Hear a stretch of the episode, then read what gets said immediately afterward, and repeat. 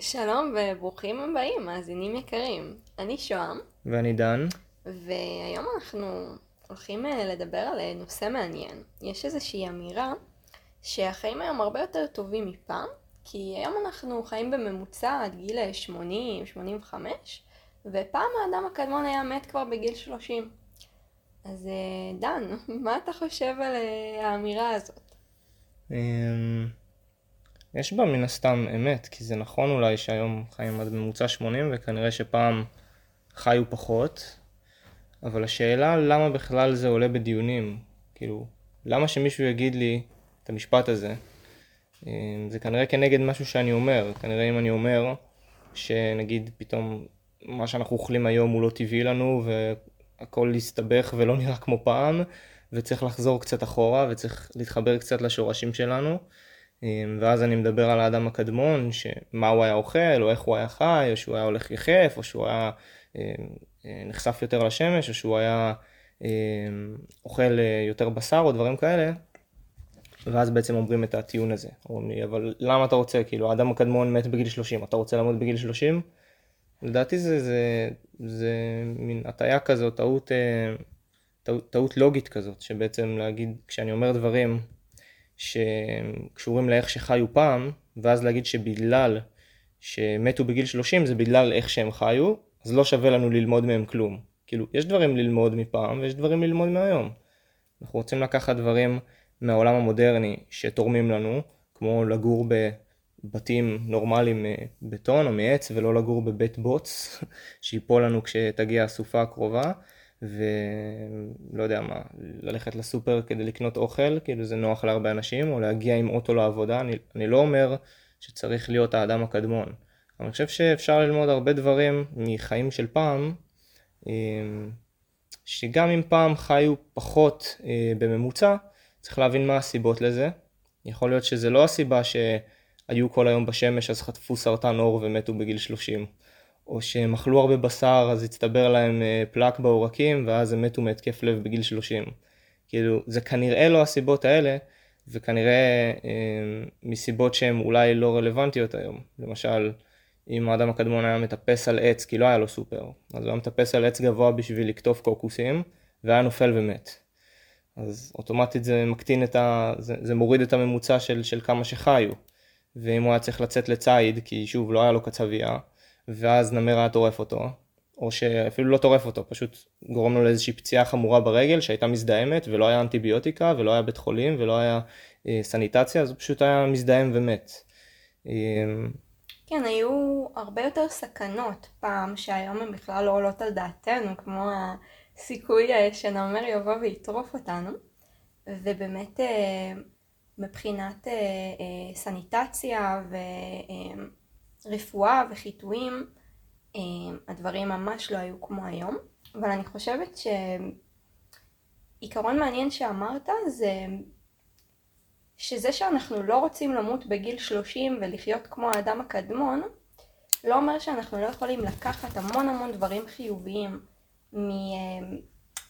מדרכי חיים קדמוניות יותר אה, ולהתאים אותם לעולם שלנו. בעצם אה, אין שום ספק שלהתפתחות הטכנולוגית והתעשייתית יש המון יתרונות לחיים שלנו. זה כיף שיש טכנולוגיה, זה כיף שיש מזגן, אמ, זה כיף שיש אה, אה, קניות שאנחנו יכולים לעשות בסופר, אבל לצד זה אמ, אני חושבת שהציוויליזציה מתפתחת כל כך מהר ביחס לאבולוציה, ואנחנו עושים היום המון דברים שלא תואמים את, ה, את הטבע הביולוגי שלנו. וזו באמת שאלה איך, איך מצליחים לייצר את האיזון הזה. איך לוקחים כאילו את הטוב משתי העולמות. לגמרי, לגמרי, וכשאנחנו מדברים על אה, שגשוג, לשגשג בחיים, אז זה באמת להצליח אה, לשלב את האיכויות אה, שהחיים המודרניים יכולים לספק, אבל לא לשכוח שבראש ובראשונה אנחנו בעל חיים. ואנחנו צריכים לספק גם את הצרכים הביולוגיים הכי הכי בסיסיים שלנו, ואנחנו צריכים טבע, ואנחנו צריכים שמש, ואנחנו צריכים קהילה, ואנחנו צריכים גם מזון שהוא כמה שיותר אה, אה, טבעי ומותאם לנו. כן, נגעת בלשגשג, וזה לדעתי נקודה שאנשים שוכחים כשהם מדברים על זה שחיים היום ממוצע, כאילו שהממוצע הוא 80, 85, אנשים חיים, כל אחד נותן את הדוגמה על סבתא שלו שהגיעה לגיל 100, ו... והייתה צלולה גם, הוא תמיד יגיד את זה, כאילו הוא לא יגיד שהיא הייתה צימוק בתוך כיסא. אה, הוא יגיד שהיא הייתה צלולה ו- ומקסימה והכל, והיא ישנה, או שהיא אכלה ב junk food, או שהיא לא חשבה על מה היא אוכלת, או שהיא לא התאמנה. ו- ובעצם כשנותנים דוגמה של סבתא שהגיעה לגיל 100 אה, וישנה ולא התאמנה, אז הם מנסים כאילו להגיד שזה בסדר לעשן ולא להתאמן, כי הנה, גם אני יכול לחיות גיל, עד גיל 100, וההוא שעשה ספורט כל החיים, אה, או לא יודע מה, בסוף קיבל התקף לב בגיל 50 או 60, אז זה, שוב, פה, זה איזושהי הטעיה כזאת, טעות אה, לוגית שאנשים אה, לוקים בה, שבעצם לוקחים דוגמה אחת אה, קיצונית, אפשר להגיד, מכל כיוון, ומשליכים את זה, כי יש עוד מיליון דוגמאות שהן לא תואמות את זה. אה, אז בעצם שגשוג מול הישרדות, לדעתי, זה להגיע לגיל 100 ולא רק לשרוד עד לשם, זאת אומרת לעבור כבר איזשהו הליך רפואי לא נעים בגיל 60 ובגיל 70 כבר אתה עם קביים או איזשהו כיסא גלגלים ובגיל 75 יש לך פיליפיני ובגיל 80 אתה מחרבן במכנסיים, כאילו זה דברים לא נעימים שאני אומר עכשיו, כאילו יש אנשים שחיים ככה, כל הכבוד להם שהם חיים וגם חלקם עברו דברים מזוויעים במהלך החיים אז זה לא, זה לא להאשים אותם. אבל uh, מי שבגיל 80 לא מצליח לשלוט בצרכים שלו וצריך פיליפיני והוא על כיסא גלגלים והוא על uh, uh, 20 תרופות שונות וכדורים להורדת לחץ דם והוא רק בן 80, כאילו מה זה רק? זה מכובד, אבל הוא ככה יחיה עד גיל 100, מבחינתי זה לא, זה לא מנצח את האדם הקדמון, כאילו אני מעדיף לחיות עד 30 ולא לחיות ככה. עכשיו לא באמת 30, אבל אין לי בעיה לחיות עד גיל 70, אבל לחיות טוב, או עד גיל 80, או אפילו עד גיל 60, אבל לחיות באמת טוב. במקום לחיות, אה, לנסות ככה לשרוד עד גיל 100, אה, אבל בצורה כזאת לא אידיאלית. שוב, כל מה שתיארתי של כיסא גלגלים ושל שאתה פשוט צימוק בכיסא ושאתה לא עצמאי ושאתה לא יכול לאכול ולפעמים לא יכול לדבר, פתאום חוטף אלצהיימר, כאילו יש המון אנשים בעולם שהם בני 80 פלוס, 90, ויש להם דימנציה או איזשהו סוג אה, אחר של, של המחלות האלה. מבחינתי זה לא אפילו דוגמה להגיד, אה, סבתא שלי חיה עד גיל כזה והיא ישנה. אוקיי, אז מה? כאילו... ככה היא חיה, אה, לרוב, כן? יש דוגמאות קיצוניות וזה מעולה, אבל אה, אנחנו מדברים על שגשוג ולא על הישרדות. ואני חושב ששגשוג אה, גם יכול להוביל אותי לגיל 90 ו-100 ויותר, פשוט באורח חיים שהוא קצת יותר טוב, וגם אם לא, אז בסדר, אז חייתי עד גיל 80 או 70, אבל חייתי ממש ממש טוב.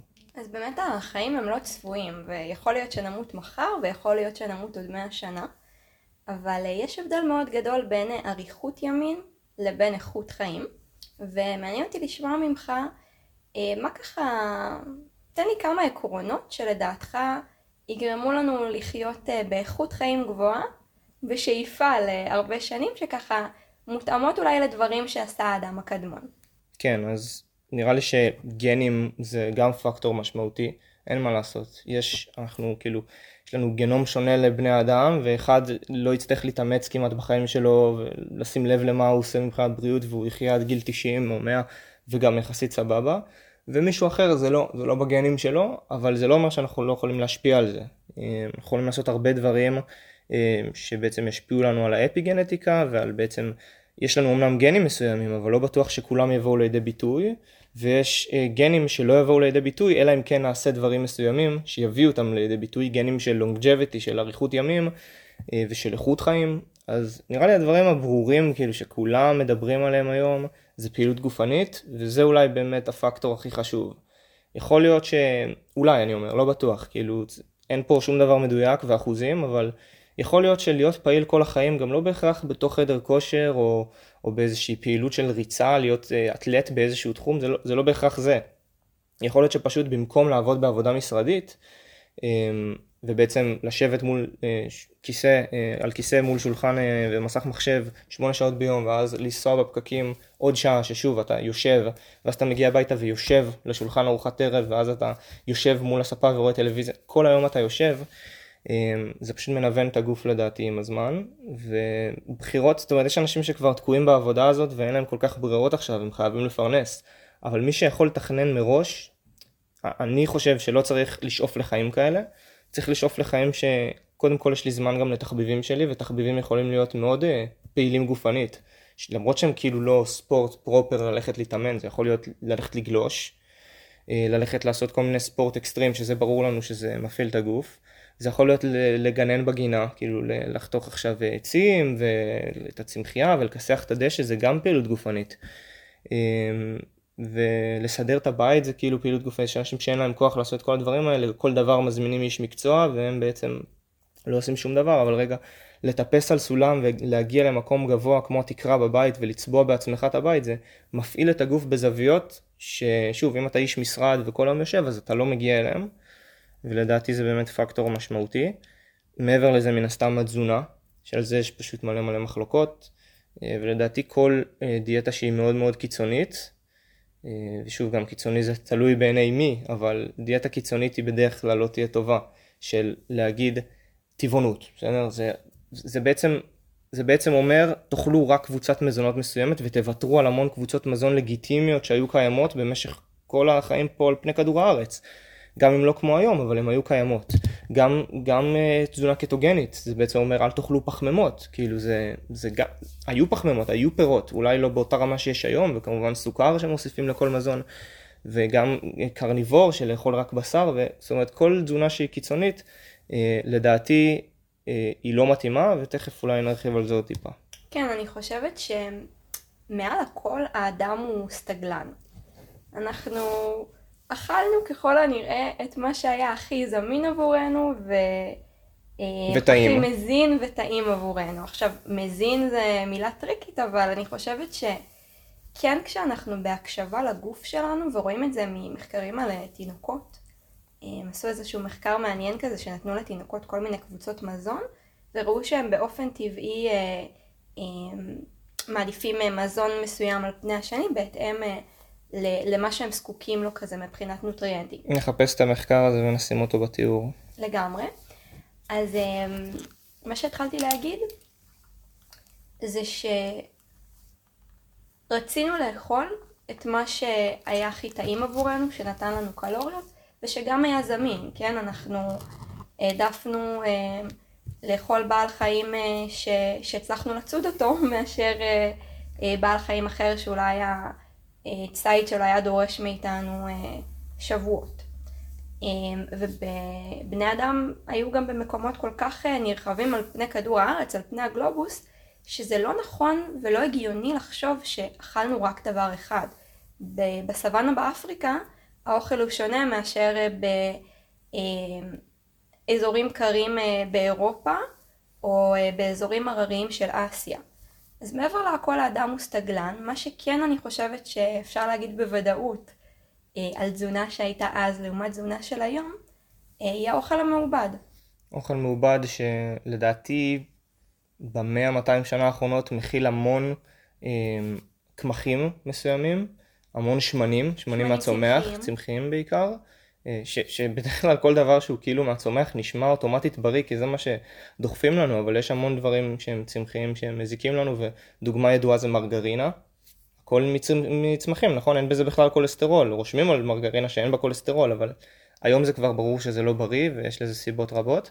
אבל גם שמנים צמחיים שהם לא מוקשים אה, בדרך כלל הם לא יהיו בריאים לנו בטח שלא בכמויות גבוהות. אז קמחים ושמנים כאלה וסוכר. סוכר שמוסיפים היום לכל דבר אז אם נסתכל באמת, ב... נלך לסופר ונסתכל על המדפים, על המזונות התכלס מעובדים, שהם בשקיות או בקופסאות ויש בהם יותר משלושה, ארבעה, חמישה רכיבים, יש מזונות עם עשר ועשרים רכיבים, אנחנו נסתכל שהרוב, מה שמרכיב את, ה... את המוצר הזה, זה איזשהו קמח או תערובת של קמחים, שמנים צמחיים, שבדרך כלל אם זה, גם שמן זית זה, זה זית זה צמח, זה, זה פרי, אז אם זה היה שמן זית הם היו מתגאים בזה ורושמים שמן זית. אבל גם בגלל שזה יקר, וגם בגלל שיש לזה טעם ספציפי, אז לא שמים את זה במזונות, וכשכתוב שמנים צמחיים הם לא מדברים על שמן זית או אבוקדו או דברים כאלה, הם מדברים על שמן קנולה, שזה שמן מזרעים של צמח שנקרא רייפסיד, ו... או בעברית לפתית, נכון? אה, שמן חמניות, כל מיני שמנים, שמן סויה, זה בעצם שמנים שלא היו עד לפני 100 שנה, לא היו במהלך האבולוציה, ש... שאנחנו כנראה התפתחנו במהלך האבולוציה במשך מאות אלפי שנים כהומו ספיאנס, מה שאנחנו היום, ולפני זה עוד ב... מה שנקרא באדם היותר קדום, פרימיטים מסוימים, הומו אירקטוס, ואולי אה, אם הולכים ממש ממש רחוק, אז אנחנו והקופים בעצם היינו איזשהו יצור כזה שממנו התפצלנו מתישהו, מהשימפנזות ומהגורילות. אה, אז בעצם התפתחנו כנראה במשך מאות אלפי ומיליוני שנים תחת תזונה מסוימת, ופתאום במאה השנה האחרונות, כשעלו על טכנולוגיה אה, להוציא מזרעים משמן, למשל זרעי חמניות, עכשיו בשביל, אה, אם אני לא טועה, בשביל כפית או, או כף של שמן חמניות, שזה, סתם אם אני אקנה עכשיו חטיף של פיטנס, וכתוב שמנים צמחיים, סביר שיש שם שמן חמניות, סביר שיש שם כפית או 5 גרם או 10 גרם של שמן חמניות, מהמוצר אם לא יותר. אני חושב שבשביל להפיק כמות כזאת של שמן צריך משהו כמו 2,000 זירי חמניות. וגם אם אכלנו זירי חמניות, סביר שאכלנו במהלך האבולוציה, לא אכלנו כמות כזאת של אומגה 6 שנמצאת שם ועוד מרכיבים שאולי ידועים לנו היום ואולי לא. לא אכלנו כמויות כאלה, הגוף שלנו לא מכיר את זה, הגוף שלנו גם לא יכול להיפטר מזה בקלות. למדנו שאומגה 3 ו-6 זה שמנים שהגוף שלנו אמנם צריך, הם חיוניים, אבל במידה מסוימת. בכמות מאוד מאוד קטנה. בכמות קטנה שיש עליה ויכוחים של כמה. יכול להיות שיש גם אינטרסים מאחורי ההמלצות, אבל אה, לא ניכנס לזה. אנחנו לא רוצים להיות קונספירטורים. אבל הגוף שלנו לא אוגר את, השומן שלו בצורה כזאת. שומן שיש לנו בבטן או בידיים או לא משנה איפה בגוף, זה שומן שהוא אה, שומן רווי ושומן שהוא בדרך כלל חד בלתי רווי, שהוא חומצה עולית כמו שיש בשמן זית. אמ, ואם אנחנו אוכלים אומגה 3 ו-6 בכמות גדולה, הגוף שלנו לא יכול להמיר את זה אמ, לשומן רווי ולאגור את זה בצורה הזאת, שהגוף שלנו, שוב, הוא אוגר שומן רק בצורה הזאת, אמ, הוא לא יכול להמיר את זה, ומה קורה עם זה? הגוף לא נפטר עם זה, זה נשאר ברקמות שלנו, זה נשאר בממברנות, במה שעוטף את התאים, ויכול להיות מאוד שאנחנו משנים את הרכב גוף שלנו אה, בצורה מאוד משמעותית רק במאה השנה האחרונות, משהו שלא היה במהלך האבולוציה. מטורף. אז באמת דיברנו על אה, פעילות גופנית ועל זה שהאדם הקדמון היה זז המון, ולאו דווקא שורף קלוריות במכון, אלא הוא פשוט היה מאוד מאוד פעיל. דיברנו על זה שהתזונה שלו לא הכילה אה, שמנים צמחיים, סוכר מעובד ו... וקמח. וקמחים. ומעניין אותי מה אתה חושב גם על השהייה שלו בטבע, כי אמרנו בתחילת הפודקאסט שכיף לנו לגור בבתים, אני יודעת עליך שאתה חייב מזגן, אז באמת אה, כיף, כיף שהצלחנו להתגבר אה, במידת מה לאתגרי הטבע, ושיש לנו באמת את הנוחות שלנו שאני מאוד בעדה, אבל אה, אני מאוד מאוד מתלבטת הרבה פעמים גם ביני לבין עצמי לגבי ה... עד כמה אנחנו צריכים להיות בטבע. ומעניין אותי לשמוע מה אתה חושב על זה. אמ, אז אני אגע בזה עוד שנייה, אני רק רוצה להוסיף על מה שאמרנו, שבעצם זה לא שאנחנו אומרים שקמח הוא בהכרח רע לנו בתור בני אדם. רק פשוט שהכמויות הן לא בהכרח. כמויות, הפרופורציות. כן, אם פעם היינו אוכלים הרבה, אה, בתור אה, אדם קדמון שהיה צד, היה צריך ללעוס את הבשר שלו, אחרי זה הוא למד לבשל, אז אולי לועסים קצת פחות בשר מבושל מאשר בשר נע, בשר נע, שגם צריך לעכל אותו יותר קשה, אבל לא משנה, היום קמח זה לא משהו שצריך ללעוס הרי, זה משהו שהוא אבקתי והוא קל לעיכול, אם זה קמח אה, לבן, זה קמח מלא, יכול להיות שהוא מקשה על העיכול, אבל כל הנושא של אה, קמח, שמנים וסוכר, זה שאנחנו בעצם מקבלים המון אה, מזון שלא בהכרח היה בכמויות האלה פעם, ושוב, זה לא בהכרח רע לצרוך כמויות מסוימות של הדברים האלה, אבל פשוט הסופר מפוצץ בכאלה, ואנשים, משפחות שלא, או שאין להם אפשרות לקנות מזון אחר, או שהם לא מודעים פשוט, הם צורכים אותו בכמות מאוד גבוהה, וכנראה שזה גורם מאוד אה, משמעותי בהובלה למחלות ולכל מה שקורה היום מבחינת אריכות ימים, וזה משהו שלאדם הקדמון לא היה. ומבחינת אה, כמה להיות בטבע ו- ומה כן לקחת, אני חושב שהתרחקנו מאוד מאוד מהטבע בחמישים שנה האחרונות. שהתחלנו לבנות גורדי שחקים ואנשים גרים בקומה 50 אמ, ואנשים לא, זאת אומרת, יש מנורה הרי תומס אדיסון המציא את הנורה אז אנחנו כבר לא צריכים לשים לפידים ונרות ומדורות ואנחנו פשוט יכולים להחליט שאחרי השקיעה למרות שמחשיך אנחנו נשארים עכשיו אה, לשחק משחקי מחשב אה, עד שתיים בלילה. אז אנשים איבדו את הקצב הצירקדי שלהם אמ, והקצב הצירקדי שלנו מאוד משפיע על ההורמונים שלנו. מתי תהיה הפרשת קורטיזול, שהורמון שגורם לנו להמון המון דברים, כולל אה, ביצועים, אבל כולל לחץ ועצבנות. מתי יהיה לי טסטוסטרון גבוה ומתי נמוך, מתי לנשים, ההורמונים של נשים, אסטרוגן, פרוגרסטרון, שזה דברים גם שמאוד מושפעים מגלולות שנשים לוקחות היום. אז המון המון דברים שאנחנו עושים שהתרחקנו מהטבע, בין אם זה משחקי מחשב, בין אם זה מנורה, בין אם זה אה, קומה 40 בבניין, ובין אם זה גלולה אה, של הורמונים אה, שנשים לוקחות. כל הדברים האלה מאוד משפיעים על ההורמונים. בסוף הורמונים זה אנחנו. הורמונים שלנו משפיעים האם אנחנו שמחים, האם אנחנו עצובים, האם אנחנו עצבניים. האם אנחנו בריאים? האם אנחנו ישנים טוב, האם המון המון המון. וכשהתרחקנו כל כך, קשה לשים את האצבע על מה בדיוק, אה, על מה צריך כן להקפיד ומה בסדר. זאת אומרת, אני כן חושב שמנורה בבית זה דבר מבורך. פשוט צריך לדעת איך להשתמש בה, ואם אני מדליק נורה מאוד מאוד חזקה בשתיים בלילה, והיא כאילו מדמה טיפה את האורכי גל שיש בשמש, שאני מקבל מהשמש ב-12 בצהריים, אז אולי העיניים שלי עם הפוטורצפטורים המאוד רגישים שיש בעיניים, קולטות את האור הזה, ומשדרות למוח שלי שעכשיו 12 בצהריים. ואז אני, שוב, המערך ההורמונלי שלי משתבש. אז דברים שאני חושב שמאוד כדאי להקפיד עליהם ושיכולים לעזור המון לאנשים שמתקשים, שוב, אם מישהו לא מתקשה, שימשיך איכשהו, כן? הוא לא חייב לעשות שום דבר מ... אה, ולנסות ככה לשפר את איכות חייו אם הוא סבור, אם הוא חושב שהאיכות חיים שלו מצוינת. אבל אנשים שמתקשים יכולים לדעתי אה, להשקיע קצת הזמן שלהם בלראות זריחות ושקיעות, אני חושב שזה מאוד מאוד עוזר. אה, יש על זה גם לא, לא מעט עבודות ומחקר שאפשר להיכנס לזה מאוד לעומק ולהבין איך זה משפיע. אה, אני חושב שאולי אה, קצת grounding, זה, זה, זה מאוד חדש, זה אולי לא בדיוק בגדר מדע עדיין, מדויק כזה, אבל אני חושב שיש שם משהו, יש כיוונים מעניינים על grounding, שזה בעצם... ש grounding זה בעצם הארקה, וזה כן. פשוט אה, להיות אה, אה, בטבע אה, עם כפות רגליים חשופות. כן, זה להיות בטבע, אה, זאת אומרת... זה לגעת בכדור הארץ, שבעצם כדור הארץ אה, טעון במטען שלילי חלקי אה, מסוים, בעצם יש לו הרבה אלקטרונים, ואנחנו בעצם, זה יכול להעביר אותם אלינו, לגוף שלנו, ואנחנו סוג של בסינכרון עם כדור הארץ, זה נשמע קצת אה, היפי כזה, אבל אה, זה איזה משהו שקורה, אפשר למדוד את זה עם וולטמטר, כשאתה מחזיק וולטמטר ואתה עם נעליים, עם סוליית גומי, יש לך איזשהו מטען, ברגע שאתה עומד על כדור הארץ יחף, המטען הזה מתבטל.